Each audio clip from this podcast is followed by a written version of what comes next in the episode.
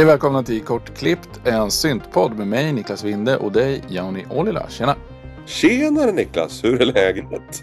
Ja men det är bra. Jag har hört att det ryktas om snöstorm så jag har kurat ner här i studion får vi se om det blir något. Ja, samma här, samma här. Jag tänker hålla mig hemma och inte jobba på kontoret imorgon utifall saker och ting blir inställt, tåg och sånt där. Men nog om det. Nu ska vi snacka syntar och inte snöstorm tycker jag. Ja, det tycker jag också. Eh, och dagens tema är synt, syntar som är och har blivit klassiker.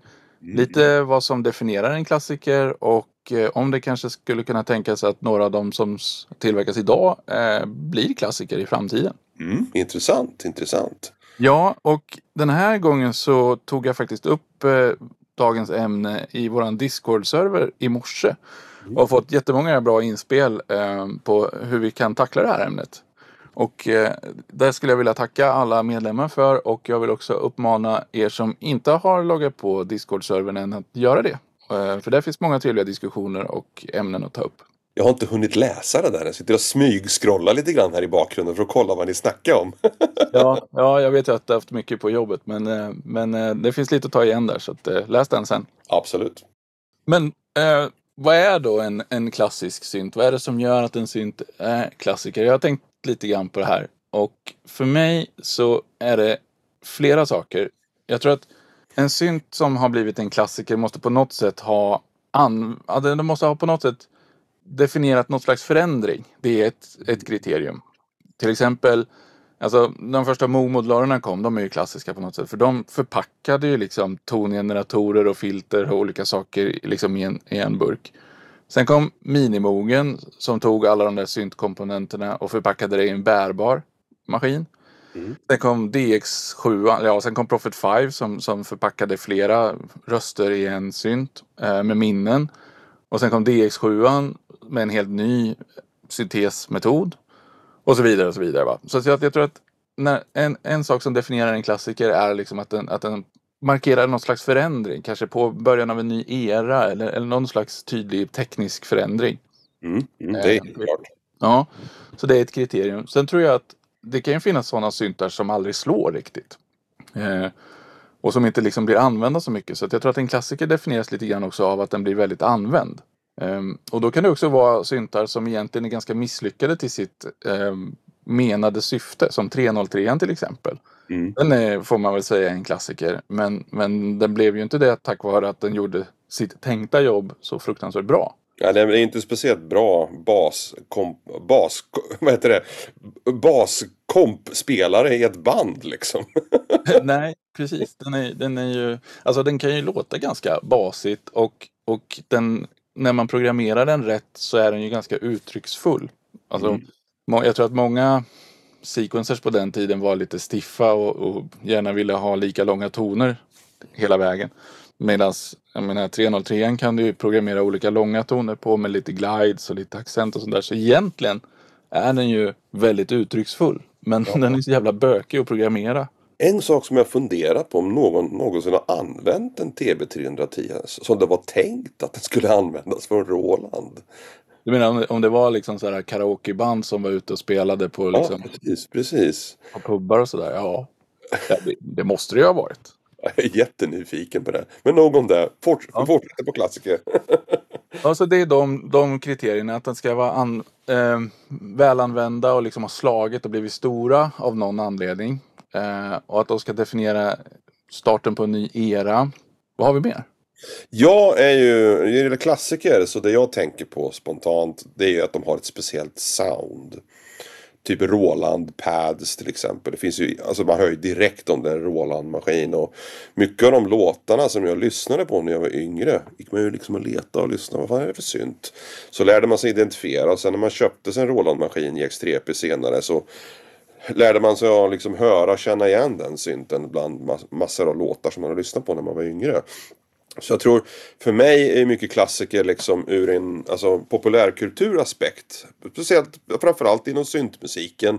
Man kanske såg en djupdrotta på tv när Alan Wilder spelade på den liksom. Eller någon annan, annan synt. Eh, typ ja, du vet det här typiska amerikanska brasset Oberheim, liksom jump-grejen. Eh, det skapar ju sina klassiker också genom att de exponeras som instrument i musikvideos då. Eh, så det är både liksom soundet och även hur de exponeras i videos som instrument, som någonting som man vill ha då. Och det här ha-begäret i sin tur då skapar ju ett visst skimmer eh, och skapar dem till klassiker på sätt och vis kan man säga. Ja, jag, jag tror också det. Och det hänger ihop lite grann med min, med, med min användnings, vad ska man säga, eh, tanke där att, att, de, att de blir använda och syns liksom. Precis, precis. Men sen så finns det ju sådana som, som kanske egentligen inte var så användarvänliga och kanske inte var så eh, lättillgängliga och sådär som, som Fairlight-systemen för samplingar och sånt där. Det får man ju ändå säga att liksom, de har ju varit med på ett antal inspelningar där de hörs väldigt tydligt och de är ju klassiker på många sätt men de har ju aldrig liksom hamnat i händerna på gemene man och, och, och finns ju egentligen inte i stort sett tillgängliga nu. Nej, nej alltså det håller jag ju med. Eh, när man ska titta på klassiker då kanske så blir det mer kanske emulator eh, syntarna som blir mer exponerade. Eh, framförallt för mig då som lyssnar på EBM och sånt där när jag var yngre. Typ Front 242 hade en emulator 2 på scen. Och det ville man ju ha direkt. Eh, och det fanns ju även då en hel del klassiska ljud då som fanns i de här originalbiblioteken som användes i många, många av de här låtarna. Men just den här framtoningen, utseendet och sättet de användes på. Eh, framförallt när det, när det gäller sampling då, emulator 2 om jag vill minnas var det den som flyttade in samplingen lite grann mera i, i vardagsrummet hos folk. Jag menar synklaver det har ju inte man råd med än idag, ens idag fortfarande. Om man skulle vilja ha en. Men eh, emulator och sen även då Emax när de kom senare vart ju ännu billigare. Så det skulle jag nästan vilja säga har ett eget litet ben för att återkoppla till det du sa, de introducerar någon form av ny teknik, något nytänkande. Just samplingen då eh, tror jag eh, byggde en hel del klassiker. Just emulator, Emax och även kanske till och med Roland S10 och S50 som var väldigt tidiga på samplingsfronten. Jag tror också det. Och det verkar som att det kan vara liksom någon som bryter isen och banar vägen för den utan att kanske bli någon, någon riktig storsäljare. Men sen så kommer liksom tekniken i nästa steg, nästa generation. Då populariseras den och blir liksom de här klassiska maskinerna. Och likadant, alltså samplingsmaskinerna som Emulator och de där, de, de banade också vägen för samplingstrummaskinerna. Eller romplertrummaskinerna som Lindrum och, och de där. Som man också får säga har blivit klassiker. Men om jag tänker på moderna klassiker, alltså det är ju eh, det finns ju en synt som poppar upp direkt i huvudet. Det är ju, det är ju Korgs mikrokorg. Eh, för den har ju funnits väldigt länge och anledningen till varför jag känner att den kommer bli en klassiker, kanske till och med är en klassiker, är ju pris och tillgänglighet. Eh, det har ju länge varit en sån här synt som många börjar med, eller började med. Nu kanske det inte är lika det finns mycket större utbud idag men för några år sedan, ett gäng 10-15 år sedan, när den där kom från första början så var ju det verkligen en sån här maskin som alla hade och började att köpa. Jag har till och med ägt två stycken olika varianter av den. Så att, eh, det känns lite grann också som en modern klassiker. Eh, även om vi kanske inte riktigt kommit in på det ämnet än. Men eh, just tillgänglighet och pris är väldigt viktigt tror jag idag. För att skapa klassiker. Det tror jag också. Och sen, sen höll jag på att säga användarvänlighet. Men, men 303 bevisar väl på något sätt att det kanske inte måste vara så. Men jag, jag tänker också att vissa syntar är väldigt duktiga på att an, antingen som du säger liksom vara en instegssynt för folk tack vare pris till exempel. Men den kan också vara liksom ett, en, en instegsmaskin för folk tack vare att den liksom är enkel och kraftfull. Um, och, och, och, hjälper dem att göra saker de inte har gjort förut. Men sen så finns det också syntar och trummaskiner och sånt där som har blivit klassiker en ganska lång tid efter att de släpptes. För egentligen får man väl säga att även om 808 har haft sin plats i hiphop och lite olika sådana där saker så är det ju framförallt nu när man samplar bastrumman och spelar bas med den som 808 har fått sin riktigt stora popularitetsvåg egentligen. Mm. Ja, alltså det jag håller med. Det, det, det är svårt kanske Eh, och se liksom en trummaskin som en klassiker annat än när man tittar på hur den användes eh, historiskt i gamla hittar och sånt där. Liksom. Du vet den där cowbellen finns i jättemånga låtar och 909 till exempel används inom techno och Skinny Puppy använde den väldigt tidigt på sina första plattor. För mig är Smothered Hope den ultimata TR909-låten för övrigt. Eh, jag tror inte den kan programmeras bättre än så. Sådana där saker gör ju då återigen, eh, kopplar jag tillbaka till det jag sa förut. Låtar som jag hört instrumenten i, för mig blir ju lite grann av klassiker. I alla fall Eh, för min egen del. Och jag tror att det kanske man har eh, någonting som man på individnivå eh, definierar som en klassisk synt, ett klassiskt sound. Men som kanske inte är en klassiker för gemene man. Och då blir det mer en defini definitionsfråga. Vad menar vi egentligen? Vad lägger vi liksom i ordet klassiker? Men jag tror det där är upp till oss att bestämma lite grann också vad vi själva tycker. Och, jag tror liksom eh, för oss när vi blir äldre, vad kommer vara den klassiska synten som vi tittar på som fanns idag? Och det, det är jag faktiskt lite nyfiken på att höra vad du tycker. ja, nej men för mig så definierade ju Elektron en helt ny era med sina maskiner just med det väldigt fria tänkandet kring hur man definierade maskinen. Alltså deras trummaskin som har 16 slottar där du stoppar i en maskin för vilket ljud du vill ha. Vill du ha 16 baskickar så har du det. Vill du ha liksom en blandning så blandar du hur du vill. Det tyckte jag var fantastiskt och för mig har ju det öppnat vägen för en helt ny typ av musikskapande. Och sen att man har bundit liksom syntens interna parametrar så hårt mot sequensen och, och därigenom fått alltså otroligt kraftfulla maskiner på, på liten yta. Och sen att man varit liksom trogen den grundprincipen hela vägen från start till nu. Även om man liksom har justerat den lite i omgångar beroende på olika begränsningar man har valt att ha i maskinerna. Så jag skulle säga att för mig är elektron riktiga klassiker. Jag tror att de kommer liksom komma sig ihåg om, om 40 år så kommer man komma ihåg liksom hur musiken förändrades tack vare dem. Absolut, jag tror att tittar man även på klassiker, om man skulle sätta liksom en label på dem så är det någonting som har funnits tidigare. De är lite vintage, de, är, de har funnits med ett tag men de är inte liksom aktuella, gått att köpa längre idag. Eh, nu, nu i dagsläget. Så går de gärna även upp i pris också för de blir mer eftertraktade. Tittar man på Mono Machine till exempel. Eh, de kostar ju mycket mer vad jag förstått det idag mot vad de kostade när de var nya. Eh, så det är lite grann efterfrågan också drivs ju upp när någonting skapas eh, till en klassiker. Eh, jag vet inte om det beror på att de är svåra att få tag i, att de inte gjorde så många men eh, eh det är ändå någonting som driver tror jag den lilla, det lilla rosa skimret eh, på ordet klassiker. och jag skulle även vilja säga att analogfyran känns lite grann som en klassiker också. För den tog ju liksom analogsynt syntesen in i elektronvärlden och den skapade helt nya möjligheter och förutsättningar för, för musiker att skapa liksom ljud med analoga ljud istället för liksom de digitalproducerade ljuden. Och jag känner att eh, min analogfyra som jag fortfarande har kvar faktiskt känns som en, en sån kandidat i alla fall till en klassikerposition.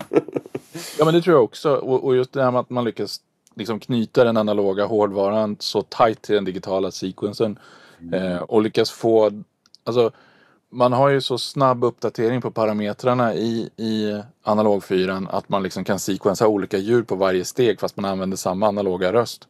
Mm. Och, och, då får man ju liksom egentligen alltså fullständig sample and hold på samtliga parametrar egentligen. Helt vansinnigt. Ja, det blir så djupt på det sättet och jag tycker det är jävligt imponerande hur de har fått till det och jag håller med om att det kan bli en framtida klassiker. Ja. Jag tror att det återkopplar återigen till det du sa tidigare. Det att man introducerar någon form av nytänk, någon ny, form av, någon ny form av syntes. Eh, några nya funktioner, ny, ny ljudalstring, whatever liksom. Eh, som skapar de här klassiska segmenten då. Mm. Eh, känns det spontant. Men eh, eh, då kommer ju liksom en liten samvetsfråga. För, för det här med klassiker, gäller det bara hårdvara eller skulle mjukvara kunna bli klassisk? Jag tycker att den här gamla Rebirth eller vad den heter. Eh, det är ju en klassiker. Eh, det är inte de första mjukvarorna som skapades. Var det den 303 och en 808? Som, ja, och sen var det två 303 och 808 och 909 i nästa version. Ja precis, ja precis. Och det är ändå en klassiker för det fick man ju liksom första möjligheten någonsin att göra elektronisk musik i datorn med en plugin som funkade, ja, det såg ju ut som originalet men lät väl inte kanske riktigt likadant. Men eh, det där var ju ett nytänkt som hette duga. Eh, och sen eh, vet jag inte riktigt vad som hände sen. Alltså det, just när det gäller klassiker, alltså det, det är svårdefinierat för att För att musikinstrumenten de uppgraderas ju hela tiden på ett annat sätt än de gör i hårdvaruvärlden. Så det är lite svårare att ta på liksom vad som skulle kunna tänkas vara en klassiker. Jag vet inte, har, har du någon, någonting på lut eller?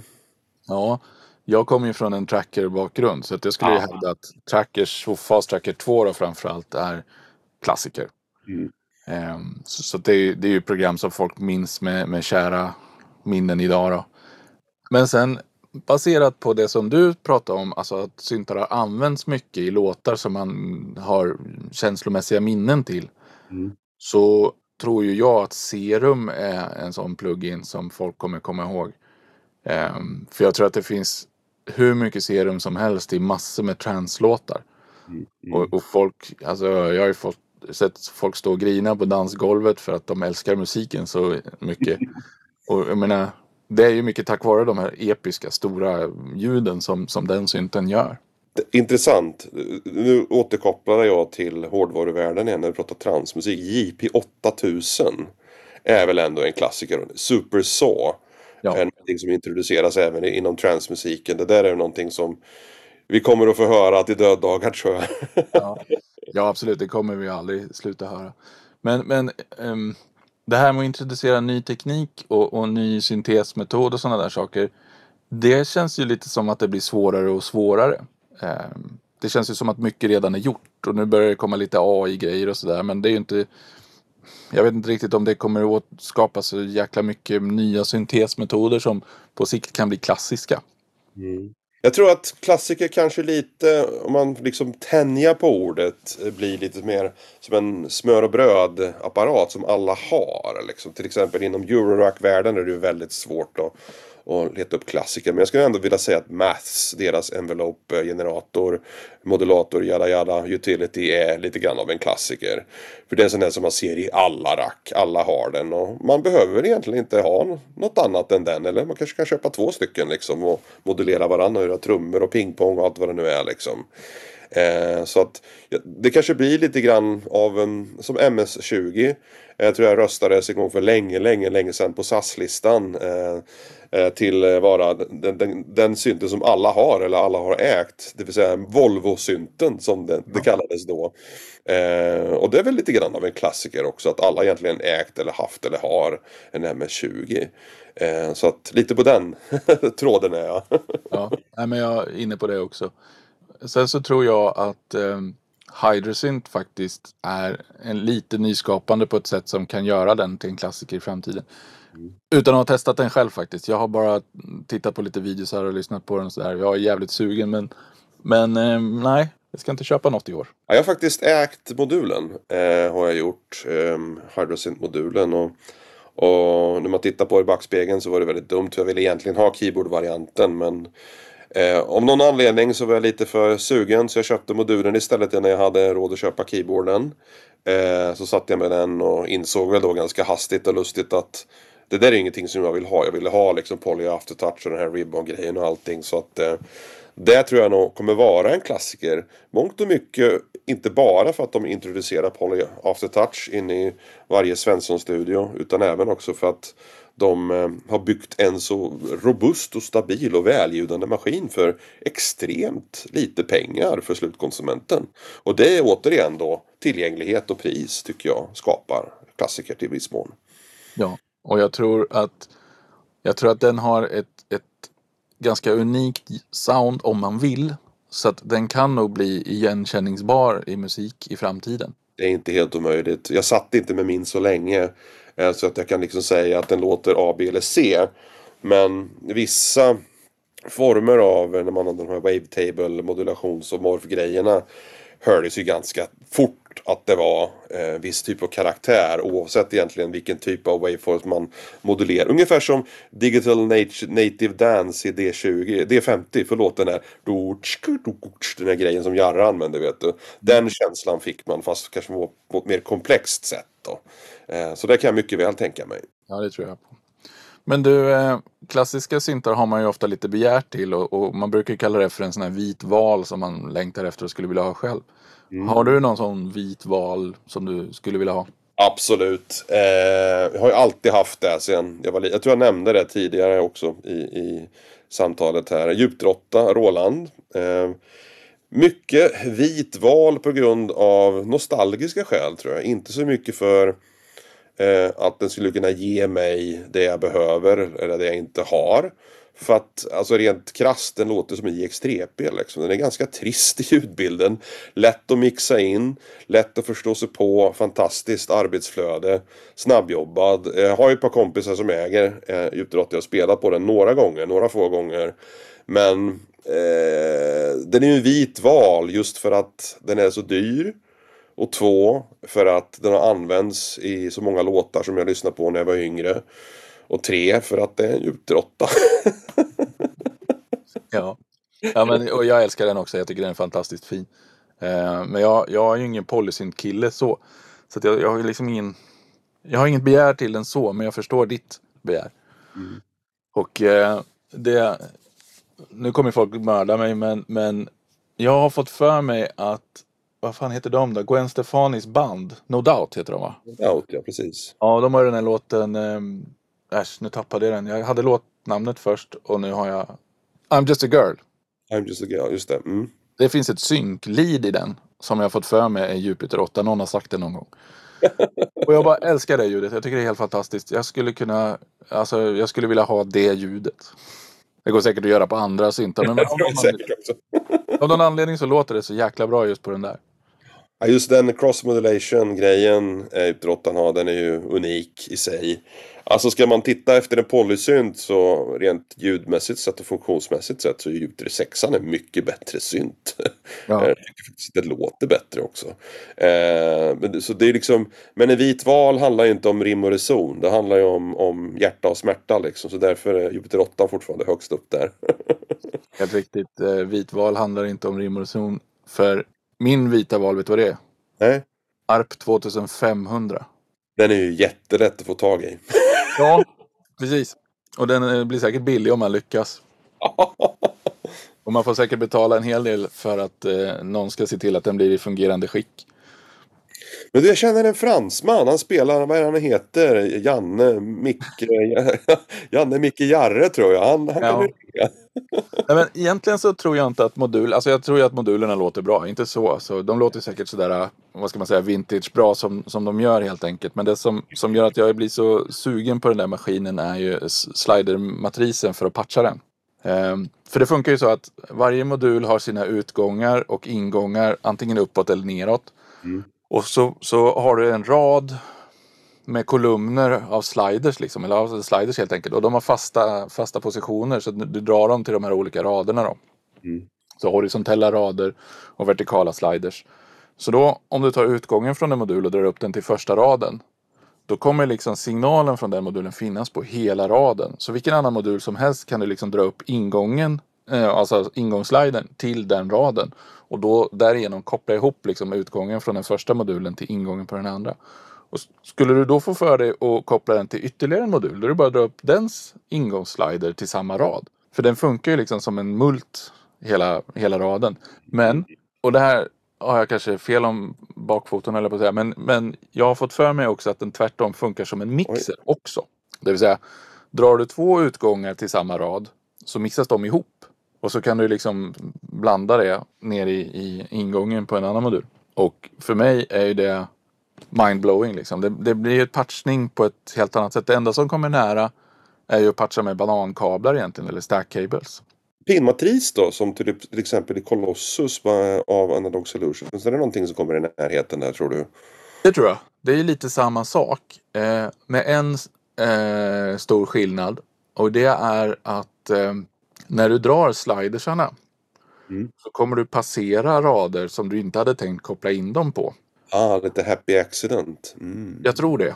Eh, jag tror att man kan eh, liksom ramla över saker som man inte hade tänkt sig. Och så, så överraskas man av maskinen. Eh, visserligen kan man väl sitta och peta i de här pinnmatrisnålarna lite grann hur man vill. Men det blir nog inte riktigt samma sak. Nej. Alltså jag tänkte på det där, du, vi pratade om R2000. 500 någon annan gång. Och är det inte Beringer, Uli, som har gjort eh, moduler, alltså bara ljudmodulerna eh, från det här systemet då. Då kan jag ju tänka mig liksom, ja, men kanske kan få den att låta någorlunda likadant. Men då försvinner ju hela den här kontroll och modulationssegmentet som jag tror är en ganska viktig, eller alltså inte ganska viktig, ska jag säga, en av de viktigaste komponenterna i ett instrument. Det är hur man styr och hur man hanterar och kontrollerar det för att skapa sina ljud med. Ju mer intuitivt det kan bli, ju mer spännande det kan bli, desto mera liksom happy accidents och andra roliga saker kan det ju hända då. Så att eh, Fan, det, det, nu fick du faktiskt, du öppnar upp en liten en nyfikenhetslampa i, i bakhuvudet på mig. Så jag ska googla vidare på den där efter avsnittet. Ja. Nej, men jag tror att vi landar tillbaka lite grann i den här användarbarheten också. Att, att man liksom paketerar en idé på ett användbart sätt. Eh, mm. bidrar till att skapa en klassiker. Eh, eller, eller ett, det behöver kanske inte vara ett användbart sätt i fallet 303 då, men ett sätt som på något sätt triggar tankemönster eller kreativitet eller lösgör något skapande liksom i, i folk. Precis, det tänder alltså, kreativitetens låga liksom i, i alltså, instrumentets användare, alltså oss då, syntnördarna. Eh, så att vi då i våran tur skapar magiska underverk och låtar med de instrumenten. Så att då kommer någon fråga. Vad, vad, vad var det för instrument som Niklas använde på den här låten? Ja det var en, eh, det var en sån här elektronsyntakt. Ja men så måste vi ha. Du vet, på, på så sätt så skapas, skapas kanske en klassiker. ja men precis. Om, om synten hjälper dig att skapa musik så kommer synten på, sätt, på det sättet liksom se till att den hamnar på mycket inspelningar och då hörs den av många och då blir den en klassiker. Precis, precis. Mm. Ja. ja. Och det tror jag blir dagens slutsats. Det tror jag också. Fantastiskt kul. ja. Bra, tack för att ni har lyssnat allihop. Och glöm inte haka på vår Discord-server. Det kommer hamna en länk i Soundcloud. Eh, show notesen eller vad det heter på svenska. Absolut, och hoppa gärna in där och prata om det är någon klassiker som ni, ni tycker att vi har missat. Eller kanske om det är någon, någon någonting som vi har sagt som inte stämmer. För att rätta oss in i ledet. och eh, bidra gärna med, med tankar kring vad som är era klassiker och vita valar. Mm. Så kommer vi då till en liten bonusgrej som vi har fått som förslag från eh, Discord-servern. Det är en fortsättning på segmentet vi hade för några avsnitt sedan där jag skulle gissa ett ljud som Jauni hade skruvat ihop. Nu är tävlingen, eller vad man ska säga, utmaningen riktad till er allihop som lyssnar. Och eh, funkar likadant. Det är gissa mitt ljud och ni ska helt enkelt gissa hur ljudet ni strax kommer få höra är ihoprattat. Så lyssna noga, plocka fram en snygg synt som ni tror kan göra det här ljudet och skicka in era förslag på Discord-servern. Och baserat på vad vi pratade om tidigare i avsnittet så tror jag att ni kan lura ut vilken synt det är som har gjort ljudet.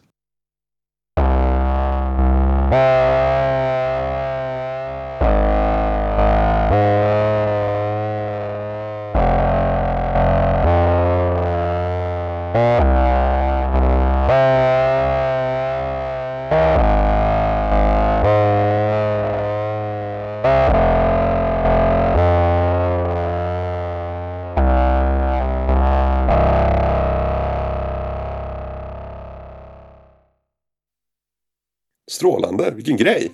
ja, bra, tack för idag! Tack för idag, hej på er!